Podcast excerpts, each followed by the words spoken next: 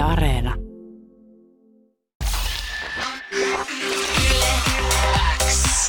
Viki ja Köpi podcastin tuorein jakso tuttuun tapaan joka perjantai Yle Areenassa. Täällä kerrotaan siitä, että puukiukaille tuo suomalaisen pyhyyden sydän on tulossa päästöistä kertova sertifikaati. Ja tutkijoiden mukaan saunan sisäilma on kuin ruuhka liikenteessä. Mm-hmm. Itä-Suomen yliopiston tutkimushankkeessa ovat mukana kaikki suurimmat kiuasvalmistajat ja puulämmittäiset kiukat ovat tällä hetkellä yksi tärkeimmistä ja pahimmista pienhiukkasten lähteistä Suomessa. Tätä Jaha, mieltä on selvä. yliopistotutkija Jarkko Tissari, joka vetää parhaillaan käynnissä olevaa kiuastutkimushanketta. Äärimmäisen siisti nimi hankkeelle, Mm-hmm. kiuastutkimushanke. Puun pienpoltto ja siihen liittyvät puukiukaat vastaavat liikenteen päästöjä, näihin kiteyttää. Ja puulämmittäisen kiukaiden päästöjä tutkitaan parhaillaan Itä-Suomen yliopistossa. Neljä vuotta kestävässä hankkeessa ovat mukana Suomen suurimmat kiuasvalmistajat, seitsemän kaupunkia, kaksi ministeriötä ja Suomen omakotiliitto. Hankkeen yhtenä tavoitteena on luokitella puukiukaat niiden pienhiukkaspäästöjen perusteella. Käytännössä se tarkoittaa sitä, että vähäpäästöisimmät kiukkaat saavat sertifikaatin eli vapaaehtoisen päästömerkin. Selvää. Mä itse kyllä tuota, on samaa mieltä, kun joku huutaa täällä, että saunaa ette meiltä vie! niin, ei tässä varmaan saunaa olla viemässä, vaan ehkä enemmänkin kerrotaan kuluttajalle siitä, että ö, jos on vähänkään kiinnostunut siitä, että minkälaisia pienhiukkasia siellä löylyissä leijailee, niin varmaan sitten siinä vaiheessa, vaiheessa ehkä voi vähän valita sitä omaa ostostaan. Mutta totuushan on se, että Suomi on täynnä puukiukaita, Mm, jo olemassa olevia. Niitä ei olla vaihdossa, vaihtamassa yhtään ei mihinkään. varmastikaan.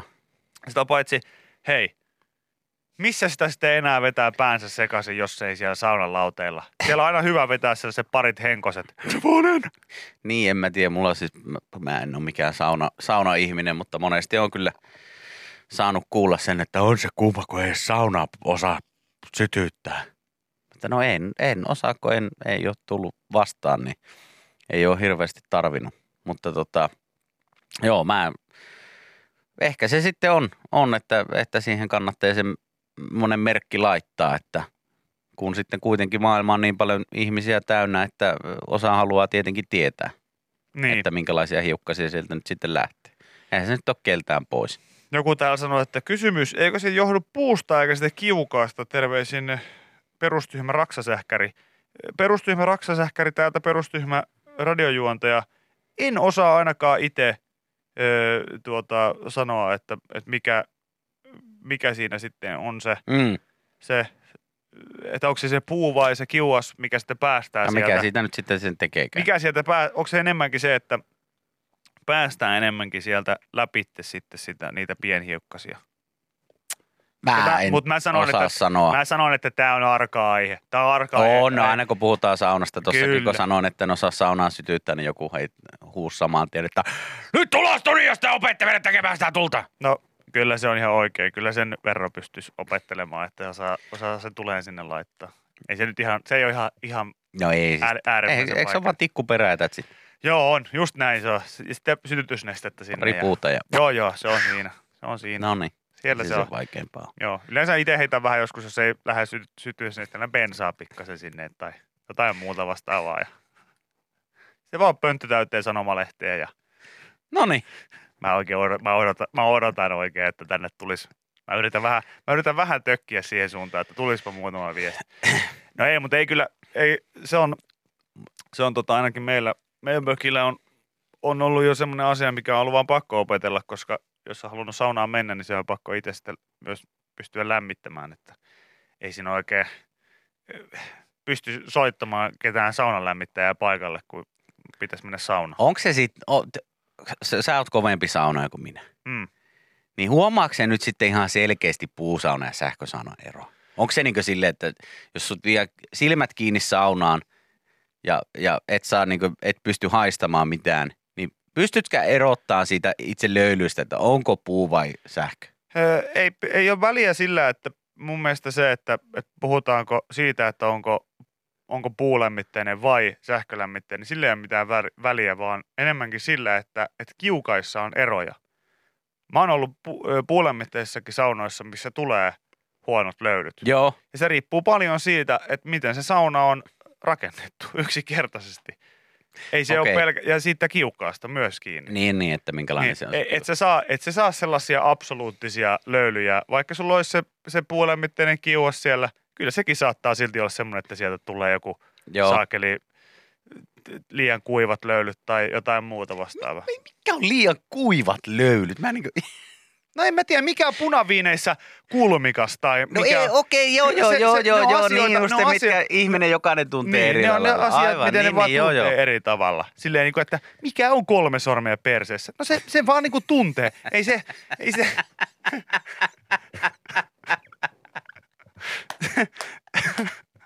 se, mistä minä tiedän? Se, sen vaan tuntee. Okei. Joku sanoi, että huomaa eron, mutta mä oon edelleen sitä mieltä, että huomaa eron saunassa kuin saunassa. Niin, että oli sauna- sitten puu tai sähkö, Niin. jos se sauna on isompi tai pienempi tai näin edespäin. on niin saunoja, missä on hyviä, se, niinku hyvät löylyt, ja on saunoja, missä on huonoja löylyjä. Joo, joo. Mm. Näin, näin, se, tota, näin se vaan menee. Ja joku oli ihan oikeassa, kyllä, lämmitän oman saunani 500 euroa seteleillä. Sillä syttyy parhaiten, ei tarvi, ei tarvi edes tehdä kauheasti mitään risuvirityksiä sinne. Antaa vaan mennä. Ne palaa kyllä. Raha palaa ja minä, minä saunon. Niin se menee. No tää nyt oli va- Ihmiset, älkää menkö näin, älkää astuko tällaisiin miinoihin. Ei oikein kukaan astunut. Te, te, te, nyt teidän täytyy Tää muistaa, tulee niin painokelvotonta tekstiä tällä hetkellä, että, että näitä ei pysty, pysty lukemaan ääneen. ai vitsi, mä rakastan kyllä. Nyt teidän pitää pysähtyä, rauhoittua ja kysyä itsellenne, mitä ohjelmaa te kuuntelette.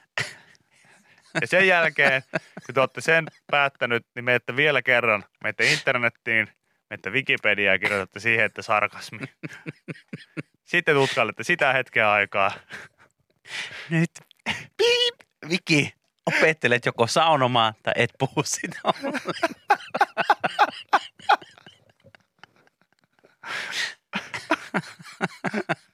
Tiedätkö, tältä varmaan Nerosta tuntuu, kun se poltti Rooma. Tältä, Varmaankin. tältä, tältä se varmaan tuntui sillä, kaikki on sieltä, mitä sä teet? Mitä sä teet? Ja sitten vaan voi olla täällä, täällä korkeuksissa. Tää oli vaan tämmönen härsy. Hyvä härsy. Mä annan kyllä, mä annan, täältä, mä annan, mä annan pöydän alta pienet, pienet kivet tälle. Enkä tarkoita sellaisia pieniä kiviä, vaan, vaan ihan, ihan oikein pienet kivet. Niin Ai, hyvä, ai, ai. hyvä härsy. Mä tykkään härsystä. No hyvä, hyvä. Mä tykkään härsystä, vaikka joku muu ei, ei tykkäiskään. joku sanoi, että ei Viki heittää parvekkeella sähkögrilliin vettä ja saunoi, saunoi sillä. Se on ihan se hyvät on, löylyt Se on hyvät löylyt siitä. Ei ole kuivat. Yle X. Täällä iski tämmöinen silmään aamulehtiä selatessa Iltalehden sivu- sivulta vanhana sandwich-artistina, niin Mm? täällä kerrotaan, että äh, Subwayn tonnikala leivissä ei ole hitustakaan tonnikalaa. Näin väitetään USAssa käytävässä oikeudenkäynnissä. Kaksi henkilöä on haastanut Kalifornian osavaltiossa Subway pikaruokaketjun oikeuteen siitä, että sen tonnikala leivissä ei ole tonnikalaa eikä mitään muutakaan kalaa. Okay. Ja tästä nyt sitten väännetään ja on ilmeisesti jonkun aikaa jo väännetty. Öö, Tämän kaksikon mielestä, joka tämän oikeuskanteen on nostanut, niin heidän mielestä siinä on erilaisia aineita, jotka sekoitettua sillä tavalla, tietyllä tavalla ne muistuttaa tonnikalaa, näin väittää yhtiön oikeuteen haastaneet tyypit. Ja perusteena tälle oikeusjutulle on se, että tämä kaksikko huijattiin ostamaan ruokatuote, josta puuttui kokonaan se ainesosa, jota äh, heillä oli täysi syy uskoa sen sisältä, No mä perustuen tuotteen nimeen. Mä kieltämättä on aina näissä hieman kuluttajan puolella, koska mustakin se on jotenkin tosi outoa, että jotain myydään tonnikala leipänä, jos siinä ei tonnikalaa kerran ole. Totta, totta. Kyllä se nyt ihan totta on, että... Eihän se niin pitäisi mennä No ei tietenkään, nimessä. ei tietenkään pitäisi mennä. Joo, ja tämä nyt tota, siellä on teetetty kaiken näköisiä testejä nyt, että on löytyykö sieltä nyt sitten näistä leivistä tonnikalaa vai ei. Ja niiden on patongit ollut rivissä, ne on kaikki, kaikki kusee johonkin, johonkin pieneen tehty ylläty, yllätystestejä. Joo, siellä on tullut padan tyyppi potkinut ovet sisään. Yllätystestiä! Ei saakeli. Ei saakeli. Suppe takauhan kaikki siihen riviin pissille pieneen purkkiin ja katsottu, että onko teissä yhtään jäämiä edes tonnikalasta. Joo, täällä laboratoriotestejä tämä kaksikko teettänyt ja niiden perusteella tonnikalaleivissä ei todellakaan ole hitustakaan tonnikala. Niin. Yhtiön verkkosivujen mukaan kyseinen leipä on täytetty tonnikala hiutaleilla, jotka on sekoitettu sitten majoneeseen ja päälle laitetaan rapeita vihanneksen valintansa mukaan. Ja Subin edustaja kertoo Washington Postille tuolla Amerikassa, että että kyllä meidän leivissä on tonnikalaa. No, labratestit osoittaa toista. Ja tota, siinä on sitten ö, tämä firma asiaaja sanonut, että ei kun anteeksi, haastaneiden asiaaja sanonut, että Subway säästää suuria summia rahaa, koska tonnikalan sijasta käytettävät aineet maksavat huomattavasti vähemmän. Mm-hmm. Ja tota, ei suostunut sanomaan, mitä aineksia nämä laboratoriotestit sitten osoitti leivän Asbestia. sisältävän. Mutta Asbestia jotain vähän halvempaa ilmeisesti. Joo, ei noista voi mitenkään olla ihan varma, mutta, mutta miksei te voit maida sitä, niin kuin, että tonnikala ja majoneesileipä? Koska silloinhan se olisi vaikka lähempänä sitä totuutta, että ei tässä nyt varsinaisesti tonnikalaa ole, mihin on laitettu majoneesia, vaan tämä itse asiassa majoneesia, mihin on laitettu pikkasen tonnikalaa. Niin, mä en tiedä, että on tosiaan tietenkin, kun tää, nää, ei kerrota, että mitä nämä testit on sitten, tota, Mm. se, mitä, mitä on saatu selville, mutta tota, iso juttu ja tässä nyt odotetaan oikeus määräsi yhtiön, ää, anteeksi, kaksiko edustaja, lakifirman Lanier on ollut mukana monissa muissakin tämmöisen korkeaprofiilin oikeudenkäynnissä. Vuonna 2018 se auttoi 22 naista voittamaan oikeusjutun Johnson Johnsonia vastaan. Mm.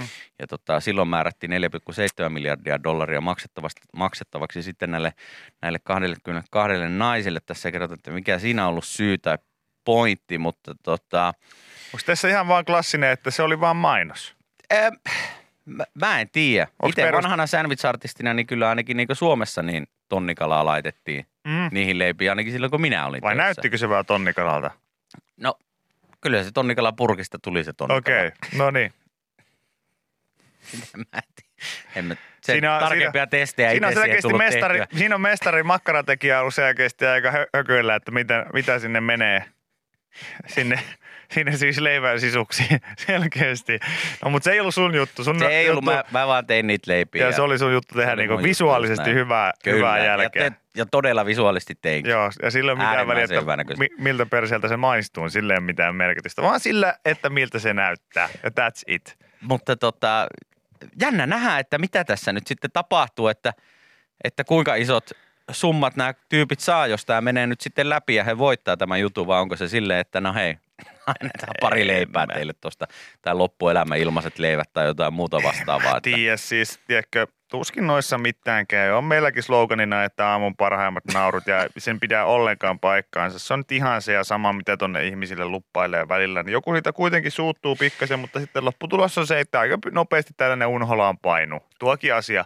Se on ihan sama, että minkälaista moottoriöljyä siellä välissä on, mutta sitä leipää tullaan ostamaan jatkossakin. Sitä ostettiin ennen internettiä, sitä ostetaan internetin jälkeenkin. Vaikka se osoittautuisi, vaikka jollekin, jonka, jonka suosikkileipä se on, mentäisiin sanomaan, että tossa ei ole muuten tippaakaan tonnikala. Se on hyvä. En mä sitä sen tonnikalan takia syönytkään, just, vaan sen vaan takia, että se on- Southwest majoneesi, mitä siihen niin, saa. niin. Ja sen takia mä pyydän sitä aina tuplat sinne väliin. Totta kai. Mm. Totta kai. Ei En- mulla mitään väliä, onko siinä tonnikalaa vai ei. No, ei tietenkään. Kun mä saan sitä tulista majoneesia siihen vaan niin, Niin. paljon, että se pursuaa läpi sieltä, niin mm. se riittää mulle. Niin. Ja mun mielestä Okei. näin, näin tämä asia tulee, tässä on mennyt ja näin se tulee menemään. Yle X. Mä söin eilen elämäni parhaan leivon naisen. Okei. No to talking, ei kahta puhetta. no mikä se sitten oli? Tämmönen laskiaispulla kroisantti. Aha. Ei mitään. Siis, Sehän ai- ei ole silloin pulla, jos se No on i- kroisantti. No laskiaiskroisantti. No niin. Eli tämmönen leivos. Eli se oli kroisantti, missä oli kermavahto ja hilloa. Hilloa. Aivan siis ei mitään järkeä. Mm. Ei mitään järkeä. Hats off. Paras tota, leivonnainen tai herkku, mitä ikinä syönyt. Mä en niin kroisanteista välitä, mutta voin kuvitella, että se on ihan hyvä yhdistelmä. Siinä oli, siinä oli se kermavahto ja se hillo. Ja sitten se croissantti oli tosi jees. Ja pikkusen suolainen. Niin. Ah, Lopeta. Älä tee tuolla. Älä please. Nyt mä, mä, tuota, tuota ihmiset mä en saa mun verkkokalvoilta enää pois. Kaveri pyöräyttää valko, valkoiset silmämunat tuohon ja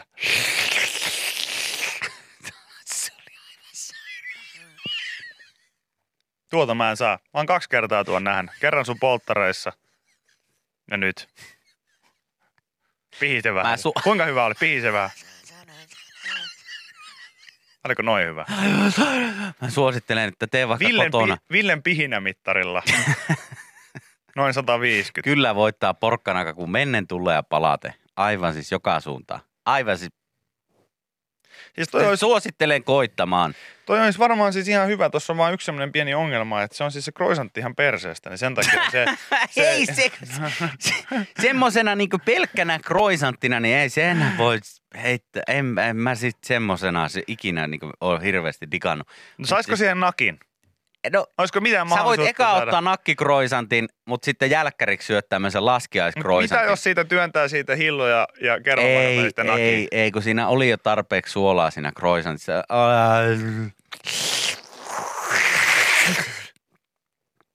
Koittakaa, rakkaat ystävät. Mä lupaan, että ette pety.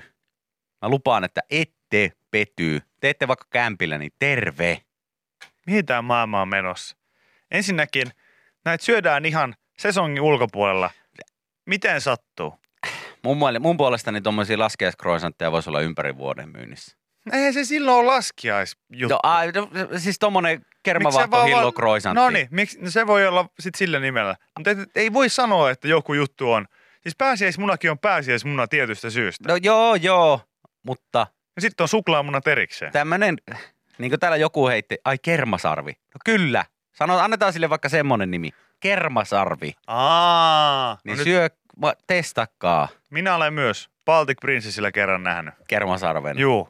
Esiintymässä oli yksi semmoinen virolainen kaveri. Ei ollut kyllä kollegoita, mutta muistan, että hän esiintyi hetken ennen Tommi Läntisen keikkaa. Ja siellä nähtiin kermasarvi. Eli Cream Horn. Okei. Mä Juuso sanon sulle, testaa. Yle X. Täällä tämmöinen ihan pikku uutinen tuli tuolta Intiasta vastaan, että Mumpaissa pidetty joku tämmöinen kokous, missä on ollut sitten paljon porukkaa ja siellä on ollut sitten paikallinen poliitikko Ramesh Pavar, joka on sitten ilmeisesti pitänyt siinä jonkunnäköistä budjettiesittelyä ja Ramesh istunut sitten pöydän ääreen ja päätti kostuttaa vähän kuivaa suutaan. Mm. Ikävä kyllä pöydällä ei ollutkaan vesipullo, kuten hän luuli, vaan hän veti huikan käsin desistä. Ai, ai, ai, ai, ai, ai, ai, ai, ai. Ja aivan klassikko, ei tässä mitään, ei tässä mitään. Keuhko palaa siinä. Ei tässä mitään, ei. Vähän rin, rinnasta vähän ahdistaa ja kivistä. Ei tässä mitään. Käykö pahasti? Ei, ei, ei, ei, ei, ei, ei, ei, ei. Ei, ei missään Ei nimessä. Ei missään nimessä. Ei, ei, ei, ei, ei, ei. Kaikki ok, kaikki ok. Mä tota, tossa oli siis, mua, mä en tiedä, niin, niin jotenkin kävi sääliksi. Mä näin tuossa ihan pari päivää sitten tuli aiheesta mieleen, niin tuossa oman lähikauppani edessä on tällainen raitiovaunupysäkki. Joo, Ja siinä sitten aina se raitiovaunupysäkillä on totta kai tehty semmoinen hieman korkeampi kanttari, eli rotvallireuna. joo, että pääsee näppärästi sitten Joo, kävelemään ja joku sieltä kaupasta sitten tuli ja siinä jotenkin kauhealla kiireellä oli juoksemassa, juoksemassa tuolta sitten siihen näkee, että sieltä on tulossa raitiovaunu, niin otti pari semmoista juoksuaskelta, kaksi kauppakassia kädessä. Jalka ei sitten ihan noussutkaan kuin Nooralotta Nesirillä konsanaan. Ja, ja tota, kengän kärki pikkasen Ai, napahti ai, siihen ai. rotvaliin. Hänhän tietysti levisi niiden kassien kanssa siihen. Onneksi oli vieressä ihmisiä, jotka tietysti tuli auttamaan. Mutta ihan klassikko. Oli itse kävelemässä siitä siihen kauppaan, niin kuulen vaan joku sivukorvalla, kun hän sitten niille ihmisille, jotka tulee sitä siihen viereen, niin ei, ei, ei, mitään, ei, ei, mitään, ei käynyt, ei käynyt mitään. Sitten silleen, että sä käytännössä lensit silleen niinku, niinku, ihan suoraan naamalleen tuohon. Joo, kaikki, levisi. Kaikki näki. Ja kaikki levisi. Ja silleen, että, että kyllä tuossa varmaan niinku vähän ehkä sattukin. Niin ei aina, mitään, ei tässä ei tässä ei tässä mitään, ei tässä mitään. Se olisi vielä ollut parasta, että hän olisi siitä niinku pyörinyt sille samaan aikaan, kun se ratikka tulee, niin sinne kiskojen puolelle ja se olisi ajanut se ratikka siitä hänen yli. Hän olisi naarattu sieltä jotenkin sieltä ratikkakiskojen välistä pois. Kaikkinensa aivan, aivan solmussa. Hengittää silleen niinku nippanappa ja sanonut viimeiset sanat sinne.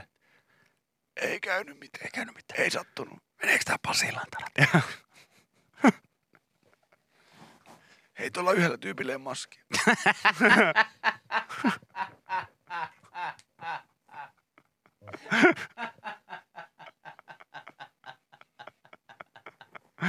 Ai, ai, ai. No, se oli tämmönen, se oli tämmönen, se oli tämmönen, se oli tämmönen yhteiskuntasatiiri. Se oli tämmönen satiirivitsi. Mutta siinä, Ai, ai, ai. siinä on hyvä kuvailma siitä, että jos joku tulee kysymään teitä sattuu, niin sanokaa, että teitä sattuu, koska teitä ei osata auttaa muuten. Oh, Jos sulla on polvilumpio pois paikalta, niin sano, että sattuu. Yle X. Tälle tuli viestiä kyllä klassikoista. Ei sattunut, ei käynyt mitään. Ei ollut paha. Joo. Ei, ei tässä mitään. Ei, ei mitään. Mulla on yksi kaveri, siis ihan oikeasti tuli vielä yksi tämmöinen story mieleen, joka ajoi nuorempana, ajoi siis mopokolarin. Joo. Ja ei ollut siis hänen vikansa, vaan auto tuli kolmion takaa kylkeä ja tietysti 15-vuotias Jannu nyt aika paljon pelästy tilannetta. Totta ja, kai. ja siinä sitten mopokin taisi vähän mennä pikkasen solmuun ja kaikkea muuta. Selvisi kuitenkin onneksi sitten aika vähillä vammoilla, mutta tilanne oli mennyt just siis aika pitkälti niin, että hän oli jotenkin mennyt ihan shokkiin sitä tilanteesta. Tosiaan auto ajaa suoraan kylkeen, Joo. kylkeen ja hän lentää siitä sitten mopon kyvistä pois mopo jää vähän puolittain sinne autoalle niin, niin siinä sitten ihmiset tullut tietysti ihan paniikissa kyselemään kaikkea, että onko se ok ja käviks mitään ja kaikkea muuta. Ja koittanut kysellä kaikkea, että, että soita, soitako, mä soitan ambulanssi tähän näin, että, että tarkistetaan, että ei, ei käynyt mitään ja, ja kaikkea muuta. Niin tämä mun kaveri on just silleen, että joo, joo, ei, joo, ihan sama, okei, okay, joo. Voiko se peruuttaa vaan tuota autoa, niin mä saan mun mopon tosta. Sillä, no et sä nyt voi tästä mihinkään lähteä ajaa. Se, No, mulla alkaa reenit alkaa vartin päästä. et sä, sä et varmaan ole menossa jalkapalloreeneihin nyt. Nyt, et, nyt niin täytyy tsekata, että ei sulta ole me, mennyt jotain niin kuin murtunut täältä. Ei, ei, ei mua sattunut. Että mä alkaa, re, alkaa reenit alkaa vartin päästä, niin voiko siellä peruuttaa vähän tota. Ja Ei toi sun mopo edes liiku tosta mihinkään. Se on niin mutkalla tuolla. Joo. Niin kyllä näitä riittää. No riittää, riittää. Mäkin tiedän yhden tapauksen, missä pari tyyppiä oli ollut ajamassa moottorikelkalla. Sitten oli käynyt vähän ikävästi ja siellä oli sitten ilmeisesti törmätty johonkin puuhun tai johonkin. Ja Mm. toinen oli sitten tota, ei ollut saanut jotenkin, ei ollut saanut kaveria jotenkin sitten siinä niin hereille, oli lähtenyt sitten hakemaan apua ja löytänyt ihmisiä, että soit, ei ollut puhelinta, kaikki oli ollut jäässä ja tällaista, oli pitänyt lähteä sitten hakemaan apua. Ja tota, oli sitten ajanut, ajanut johonkin ja löytänyt sieltä kaveria ja tyyppi sanoi, että soittanut, soita ambulanssi, että tuolla on tuolla ja tuolla tyyppi, että se pitää lähteä hakemaan sieltä, että ajettiin tö, tuota, moottorikelkalla puuhun. Joo. Sitten kysyttiin, että kävikö sulle mitään? Ei käynyt. Ja sitten siitä viisi minuuttia, kun oli saatu niin apua hoidettua ja se kaveri oli sieltä löytynyt ja kaikki näin ja kaikki loppujen lopuksi hyvin, niin selvisi, että hänellä oli reisiluu poikki. Ai, ai, ai, ai. Mieti. Joo, ei mulle käynyt yhtään mitään. Ja sitten viisi minuuttia, niin sulla on reisiluu poikki. Aha, okei. Okay. Joo, joo. Niin Mut kyllä noissa- se on aikamoinen adrenaliinipiikki, mikä On, sitten tuommoisessa tilanteessa on, tulee, että eihän sitä nyt tietenkään huomaa. Mulla on kaveri, kaveri joka pelailee tuolla ykkösdivarissa, niin olisiko pari kautta sitten, niin lyönyt peli alkuminuuteilla jalat yhteen vastustajan kanssa ja siinä sitten ollut se, että ai saakeli, että osuupa vähän ikävästi, mutta pakko tässä on pelata. Vähän se tunnettu semmoisena romuluisena ja kova, kova Joo, ettei ihan joka kaverina. iskusta ota nokkiinsa. Niin, niin oli pelannut siinä matsin loppuun ja, ja tota, vaivotellut pelin jälkeen, että saakeli, kun on kyllä jotenkin kipeä tuo jalkapöytä, niin murtunut. No niin. Ja, ja pelannut siinä 90 minuuttia. Ai ja, loppuun. Joo, joo, ihan koko peli. Lisäajat ja kaikki päälle siihen vielä, vielä tota, ihan tyytyväisenä. Mutta kun ei sattunut, ei käynyt mitään. Niin kai se aina sitten se joku adrepiikki sieltä sitten tulee Kyllä, tosiaan, että sillä kyllä. jaksaa, kunnes sitten, sitten pysähtyy ja alkaa miettimään, niin huomaa. Koska lapsillahan on aika pitkälti sama juttu. Että niin kauan kuin ei verta näy tai mitään muuta, tai kukaan niin noteraa sitä, että, että se on aika vaikea tietysti olla noteeraamatta, kun sä huomaat, että sun viisivuotias on kiivennyt jotain talotikkaita siihen viiteen metriä ja hyppää sieltä sinne ruusupuskaan pää edellä. Ja se Joo. nousee sieltä ylös ja se katsoo sua silleen kysyvästi. Huudetaanko me nyt? Ja sitten sä koetat olla silleen, että Ei, Ei, ei, ei. huudeta, ei huudeta. kun, kunnes sä näet, että alku lähtee ihan hyvin, hän ehkä vähän hymyilee sillä, että ha, Okei, ha. no ei tässä mitään. Sitten hän katsoo käsiään, johon on osunut niistä ruusuneulasista sellainen yksi pieni vekki tuohon johonkin sormeen. Siinä näkyy verta. Hän nostaa uudelleen katseesta että oh shit. Oh shit. Alkaa e- etuhuuli vähän väpähtää. Ja sitten tulee se klassinen. Ja ensimmäinen hengenveto. No. Ää! Ja sitten se on hienoa, että se ensimmäisen huudon jälkeen tulee aina se semmoinen että ekaksi tulee Ei, ei, ei ole mitään, ei ole mitään, ei ole mitään. se, hyvä, se tauko siinä, sä toivot sillä, että ehkä se olikin vain tuo yksi huuto. Aa, ei se ollutkaan, ei se ollutkaan. Hän, hän vaan keräsi voimia, hän keräsi voimia seuraavaan huutoon. Nämä aika jää, paljon nyt tulee sitten viestejä näistä tilanteista tämmöistä, että joku laittaa, että mieheni kaatuu syksyllä polkupyörällä aamulla huomasi, että on vähän solisluun kohta kipeä. Oli sitä mieltä, että kyllä tässä voi mennä illalla pelaamaan padelia. Käski mennä lääkäriin, lopputulos solisluu poikki ja leikkauksen. Mieti. No tässä just joku tuohon lapsihommaan, mutta sanoi, että ei kanssa pitää koittaa purkaa tilanne aina nauramalla, ettei muksu sitten lyö, että jos, jos muksu lyö niin pään ekana, niin sitten vaan nauraa itsekin sillä, että ha, ha, katohan, löi pääs sitten muuten ihan kohtalaisen lujaa, että olipa hassu, tuppa näyttää isille vähän tähän. No niin, silleen, silleen. Ihan kuin hyvä, että samaan aikaan sisällä itselläkin velloisi, hei herra, hei herra Jumala, tässä näkyy luut. Öh, Minä lähtee taju iteltä siinä samalla. Hei, katoppa, sulla on täällä pieni tämä, ei mitään hätää, kun isä laittaa laastarin tähän. Meillä koko aika lähtee jalat alta ihan spaghettia. Joo. No vähän samalla tavalla kuin joskus tuossa pari kesää sitten. Öö, Poisto-? Niin, sano vaan. Oli rautakaupassa töissä ja asiakkaat halusi ostaa kuraamattoa. Mentiin sitten leikkaamaan ja mattopuukon terä oli jäänyt vaihtamatta ja se katkesi siinä leikatessa ja terälle suoraan silmää. Sain silmän kiinni just ajoissa. Asiakkaat ei huomannut riideliltään mitään. Itekseen totesin vaan, että eipä tässä mitään.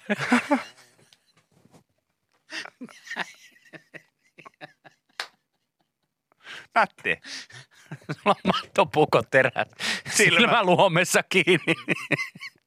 ei tässä mitään. Mä otan tauon, hei. Mä käyn tauolla tässä. Ottakaa ihan hetki, mä pyydän jonkun toisen tähän leikkaan. Mikko, hei. Mikä sulla? Hei. Mä pidän mun tauon On nyt. kyllä huonoa palvelua. Kaveri lähti kesken kaiken tästä menemään vaan. Joo.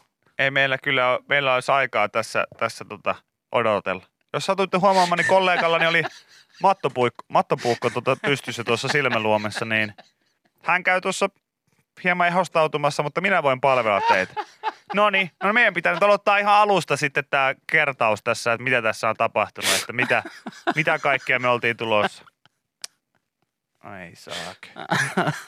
mutta siis toi, se mitä sanoa, Joo. sanoa tuosta kaikesta pyörtymisestä ja sun muusta, niin siis pari kesää sitten poistuin helsinkiläisestä tämmöisestä juhlakompleksista tai baarista ulos, Joo. jossa on iso sisäpiha ja siinä sitten ihmiset parveili ja, ja tota, oli lähdössä jotkut kotiin päin, jotkut hakemaan jotain ruokaa. Sitten yhdellä kaverilla oli tällainen jenkkifutis, jota heiteltiin siinä. Joo. Jotkut tyypit heitteli siinä sitten ja siinä sitten yksi kaveri sanoi, että hei, hän lähtee juoksemaan tonne, että Heitä heitä, pitkä. heitä, heitä pitkä. Ja, ja, ja siinä sitten yksi toinen kaveri viskas kauhean pitkään sinne ja mä kaikki kolme, siinä oli minä ja mun pari kaveria katsottiin, että ei saakeli, kun kaveri juoksee ihan oikein oppisesti katsoa siinä, että pallo tulee tuolta, mutta hän ei huomaa sellaista tämän pöydän, puolet tästä niin pöydän korkeudesta, sellaista ehkä niin puolen metrin korkeudessa olevaa sellaista kivikurbia, sellaista niin kuin Betoniporsaan No semmoista tyyppistä. niinku penkkiä, Joo. betoniporsaan tyylistä. Niin juoksee aivan hanat sellaista päin ja lentää että kun leppäkeihäs, kun ihan jostain hauskoista kotivideoista, vaikka siinä ei ollut mitään hauskaa. Hän tuli tietenkin sille, että se, se penkin reuna osui suoraan tähän säären kohdalle. Ja kaikki oli että hei saakeli ja lähdettiin juoksemaan sinne ja katsomaan, että kävikö mitään, kävikö mitään. Sitten se kaveri on vähän sillä, että, että ei tässä mitään, mitään. Että sitten joku sillä, että ei pysy paikalla vaan, sulla on pieni, pieni vekki tuossa tossa, tota, sääressä ja sitten, onks paha? Ei oo, ei oo paha ollenkaan, ei oo ollenkaan paha. Sitten se on hyvä, kun ite, itekin. Tietysti sitten on sellainen, että mä oon siis ollut kyllä, mä oon esimerkiksi ollut oman isäni sydänkohtauksessa Joo, niin joo, läsnä, kyllä. läsnä niin kuin ihan viimeiseen asti ja ollut niin kuin häntä elvyttämässä. Mulla oli semmoinen tilanne ehkä jotenkin, mä en tiedä, onko siinä joku shokki tai joku muu, se ei niin kuin ole paha, mutta veri. Veri on jotenkin tosi paha. Pistää. Joo, ja, ja sitten mä tulin itse sieltä että hei, hei, kävikö jotain, kävikö jotain? Ei tässä mitään, kaverilla pieni vekki tuossa. Mä, joo, minkälainen näytös tuossa? Sitten kaveri samaan aikaan kysyy siinä, että joo, että onko se paha näköinen? Mä, että ei, mä oon varmaan juonut liikaa. Sitten kaikki on, me, näyttävät, että menet, menet helvettiin siitä. Että kaverilla näkyy luu sieltä, sieltä tota, säärestä ja kaikki koittaa Oi, olla silleen, että joo, kyllä tästä varmaan täytyy johonkin, johonkin ehkä lähteä itse koittaa. Joo, ei ole pahan näköinen ollenkaan. niin, sitten aina tulee vaan mieleen se, että ai niin köpi, että sä silloin ennen kuin sä menit mihinkään, mihinkään tota, musapuolen kouluun, niin, niin unelmoit siitä, että susta tulisi ensihoitaja. Mutta hei, tärkeää, että saako se sen pallon kiinni? Sai! No hyvä. Sai, no niin. kyllä se olisi Eli niinku si- touchdown. Sillä olisi niinku yliopist- yliopistostipendin saanut Hyvä, kyllä hyvä. Jenkeissä ihan heittämällä. Yle X. Mä katsoin totta tällaista, kun Hesari julkaisee tätä Minä väitän, tällaista juttusarjaa, missä Joo. sitten aina yksi asiantuntija kertoo näkemyksensä omaan alaansa liittyvästä kiinnostavasta aiheesta. Ja tällä kertaa Jyväskylän yliopiston kieli- ja viestintätieteiden laitoksen professori Anu Sivunen on kertonut siitä, että Arkea ei kannata jakaa liian tiukasti työ- ja vapaa-aikaan. Työpuhelimeen vastaaminen illalla saattaa jopa parantaa hyvinvointia, niin Aha. Mä en tiedä, pitääkö tämä paikkansa, mutta koittakaa nyt päättää jo. Tämä on taas kans tällainen, että ootko aina syönyt kananmunia väärin. Niin, ootko aina tehnyt töitä väärin? Niin kananmunia, Elänyt arkea väärin? kananmuniakin piti siis oikeasti syödä jollain 14 eri tavalla, mitä tässä on viimeisen 20 vuoden aikana ollut. Että ensin kokonaisena, sitten vaan pelkät valkuaiset, sitten pelkät keltuaiset, sitten silleen, että kolme valkuaista, mutta yksi keltuainen. Ja, ja kaiken näköisiä muitakin silleen, että et, et, ja kaikissa on sama lopputulos. Jos et tee näin, niin kuolet. Joo. Ja, ja sitten sit, sit on ihan sama juttu tässäkin olla aina sillä, että hei, kun meet lomalle, niin mene kunnolla lomalle, älä mieti työjuttuja, miet, sulla pitäisi olla omaa vapaa-aikaa, jos ihmisillä sitä vapaa-aikaa ja työ sekoittuu siihen, niin kaikki menee persille. Ja sitten joku sanoo kyllä, että "Mm, itse asiassa työpuhelimeen vastaaminen illalla saattaa jopa parantaa sun hyvinvointia. Hä? Mutta siis mä oon 20 vuotta tehnyt nyt ihan eri lailla. Niin. Me oltiin kato väärässä. Mitä? Mitä? Että se, se hä? 20 vuotta kertonut, että asiat pitää hoitaa. Joo, joo, Kato, meillä, meni, väärässä. meillä meni kaikki, kaikki aika niihin tota, suklaan terveysvaikutukset ja viinin, Viinin ja kahvin. viinin ja kahvin terveysvaikutukset Sadan eri asian terveysvaikutustutkimuksiin. Joo. Vieläkö saataisiin yksi suklaatutkimus tähän maailmaan? Joo, se olisi niinku ihan, ihan, tota, ihan mahtavaa. Mä ainakin itse tota, ite rakastan niitä, kun ihan muutaman kerran joku on kertonut, että mitä terveysvaikutuksia suklaalla on. Missäkään ei ole vielä toistaiseksi lukenut sitä, että joo, ihan hauska fakta, mutta mitä sitten, jos syö kaksi levyä päivässä, niin missä se Onko se- terveys, onko siihen nyt mitään vastausta? Ei, kun se on aina se, että okei, jes, hei, suklaa on nämä terveellistä. Sitten siellä kerrotaan sillä, että jos syö yhden palan, Kerta viikkoon. niin, niin sitten silleen, että Ja sitten vielä sitä niin täysin joo, mautonta, tummaa. tummaa suklaata, mikä, mikä ei maistu niin kuin, ei miltä, no maistuu se joltakin, mutta ei ainakaan niin omiin makuhermoihin, niin Mm, ei oikein kovin hyvin nappaa. joo, No, mutta hei, tehdään töitä ja eletään arkea nyt sitten näillä opeilla tästä eteenpäin. Eli vastataan työpuhelimeen ja iltaisinkin. Ei todellakaan, siinä on mitään järkeä. Yleensä aamu professorit on sitä mieltä, että todellakaan työpuhelimiin ei vastata iltaisin. Muista sinäkin se. joo, totta kai. Muista säkin se. Joo, totta kai. Jätät ne työasiat työ, työajalle. Ja Joo, totta kai. Muuten en ikinä, ikinä vastaile työpuheluihin illalla. Joo. ai terveisin kello kolmelta nukkumaan viime yönäkin. Tehden ja miettien työasioita. Yle X. Mä katselin tässä, että eduskunta siunasi kansalaisaloitteen, jolla kiellettäisiin veden yksityistäminen ja vesi on meidän kansalaisaloitteen sisältö saa eduskunnan tuen. Aloite vaatii lainvalmistelua, jonka tuloksena estettäisiin julkisomisteisten vesihuoltotoimintojen myyminen kaupallisille yksityisille toimijoille. Ja tietysti tämä nyt on hy- varmasti ihan siinäkin mielessä kerännyt aika nopeasti nuo omat allekirjoituksensa, kaikkia allekirjoituksia siis tuohon vaadittavaan 50 000, niin kertyy yli kuitenkin 89 000. Joo. Ja, ja siitä syystä, että meillähän suomalaisissa, täällähän, täällä on hyvä vesi. On, Täällä on hyvä on, vesi ja, on. ja, ja, se on sellainen niin kuin aikalainen perustarve, mitä kaikki tietää, että sitä saa aina jostain ja, ja, ja näin. Ja mulla vaan tuli siis eilen, kun mä näin tämän uutisen yhden kaverini Facebook-seinällä ja, ja tota, tuli vaan sellainen ajatus mieleen, että, että, että, että Suomessa, tämä on itse asiassa hauska pointti, että kun vesi on meille niin sellainen perusjuttu, että sitä tulee niinku hanasta ja, ja, ja sitä sit se on hyvä laatusta. Jossain paikkakunnilla se maistuu vähän erilaiselta kuin toisaalla, Joo. mutta erot ei ole nyt ihan valtavia. Ei mun Pystyy et- kuitenkin juomaan. Kyllä. Ja, ja, ja sitä siis tulee niin kuin hädän hetkelläkin. Mm. Vaikka kaikki muu olisi mennyt, niin jostain saa vettä. Ja yleensä vielä niin kuin meitä ravintolaankaan, niin erikseen ei siitä laskuteta, kun se on niin kuin silleen, että Mm. no hei. Totta vettä kai, meillä tulee hanasta on, no, vettä, Niin että- tossa nyt sitä sitten on. Niin tajusin just eilen sen, että, että Suomessa jostain syystä niin, niin kuin luksuksen merkki on se, että on pullovettä. Niin. Ja se on, se on musta ihan mahtavaa, koska ihan sama metsä sitten kuin parturiin, e, tota, saat sä jonkun paremman paikan jossain matkustusvälineessä, paremman huoneen tai jotain muuta, mutta sä oot aina sillä, oi juma, tää on Yksi. niinku pullovettä. Joo. Ja se on niinku se merkki, että sillä osoitetaan, että me ollaan nyt panostettu. Se, jos sä vaikka mietit lentokoneessa, se paikka voisi olla ihan täysin samanlainen, kaikki muutkin saakeli tuota, hetekat, mitä sieltä Mm. sitten ikinä löytyy. Mutta sitten on yksi sellainen osasto, mihin on laitettu vaan kaikille siihen pullotaskuun vesipullo, vesipullo. ilmaiseksi.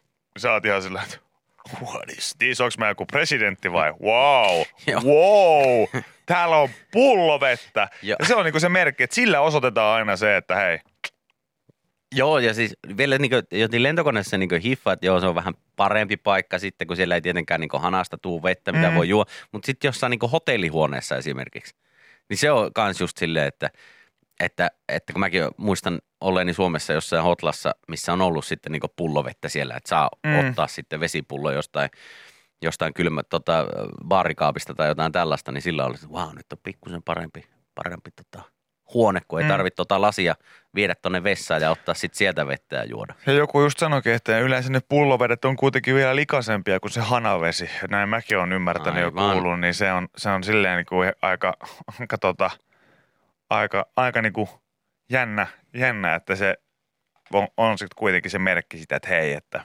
teille vähän parempaa. Vettä pullossa. Wow! Oh my god.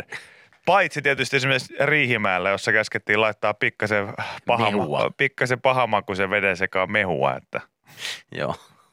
Nokialla ei olisi auttanut enää. Siellä, ei joo, se ei. siellä ei olisi mehukaan auttanut, mutta ri, Riksussa oltiin sitä mieltä, että Oletko hei, ikinä asunut semmoisessa paikassa, että on tullut, tullut tota viesti jostain kaupungin joltain, jostain puhtaanapitolaitoksesta, missä nyt ikinä tuleekaan se viesti, että hei nyt pitää mm. Niin vesi keittää. Onko se ikinä ollut sille asunut jossain silleen, että on tullut ei, tämmöinen tilanne? Mäkään en muista, että Ei mä olisin, mä olisin ollut ikinä ei ole kyllä. semmoisessa tilanteessa, että olisi vesi pitänyt keittää, että sitä voi juoda. Ei kyllä. Mä vaan muistan, tota, mulla on yksi ystävä, joka on, hänen vanhempansa on, on, tota, on lääkäri Joo, tai, tota, ja, ja, ja tota, on sitten kiertänyt myös semmoisessa niin kuin käsittääkseni vähän niin kuin avustustyyppissäkin duunissa kaiketi. joo, Niin sitten tämä mun ystäväkin on tietysti nuorena joutunut sitten käymään vähän siellä sun täällä. He on käynyt esimerkiksi Kirkiisiassa. Okei. Hän on niin kuin asunut vähän aikaa joo. Kirkiisiassa. No siellä ei ihan joka tyyppi ole asunut. No ei ole. Mutta ymmärsin, että siellä oli esimerkiksi vähän niin kuin name of the game oli just se, että, että ei ollut mitään tällaista, niin kuin, että keitetäänkö vettä tai jotain muuta, ja vaan oltiin silleen, että et, et juo. Ja sitten silleen, että et, joo, mutta mulla menee varmaan vatta sekaisin. Mm, juo. Juo. Ja sitten silleen, että et, et sä nyt niinku viikon, niinku, Kärsit sit siitä. viikon, viikon sä niinku, että menee vettä sisään, vettä tulee ulos. Okei. That's the name of Mutta the se game. alkaa helpottaa. Joo, joo. Okei. Letto kakka rumpa Begin. begin ja sitten vaan, no niin, hei kai tässä sitten. Jotenkin, jotenkin niinku tähän, tähän tyyliin, mutta, mut, mut, mutta en mä kyllä itse törmännyt siihen. Mäkään en ole ikinä siis ollut asunut Suomessa missään semmoisessa paikassa, että olisi ollut tilanne, että olisi Kun mä- pitänyt vesi keittää. Kun mä tota, muutin Virroille, niin mä kyllä luulin, että se mesta on just sellainen, että siellä pitää keittää vesi. Ihan, niin kuin ihan muuten vaan. Joo, joo. Ja, ja tota, lämmittää esimerkiksi kerrostaloyksiötä puilla. mutta mutta tota, ei sitten ollutkaan mitään tämän tyyppisiä juttuja vastassa. Joo. Oli väärässä. Tänne just joku laittoi, että Siilijärvellä oli vasta keittokehotus. Keittokehotus. About kuukauden verran. Ai joo. Oho, se on jo aika pitkä aika. No se on kyllä tota, se on kyllä aika pitkä aika, joo. Hm.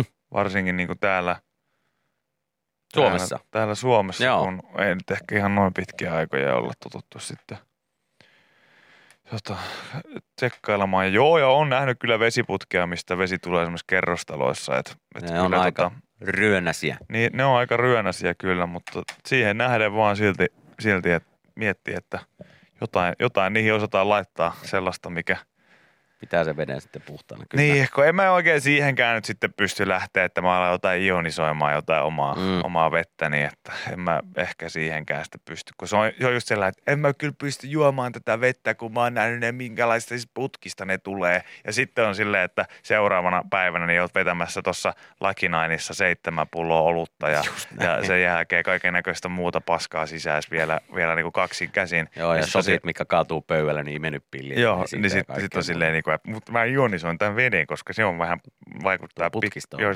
joo, se vaikuttaa Joo. epäpuhtaalta. Niin ei. Eikö ne? Ei. Se on Viki ja Köpi tässä, moro! Meidän uusi Viki ja Köpi Show alkaa Yle Areenassa 4. lokakuuta. Tiistaista torstaihin kaksi tuntia pelkkää puhetta kuunneltavissa ja katsottavissa silloin kun sulle sopii. Tai livenä kello yhdestä kolmeen. Virtä Yle Areena puhelimeen ja tuu mestoille.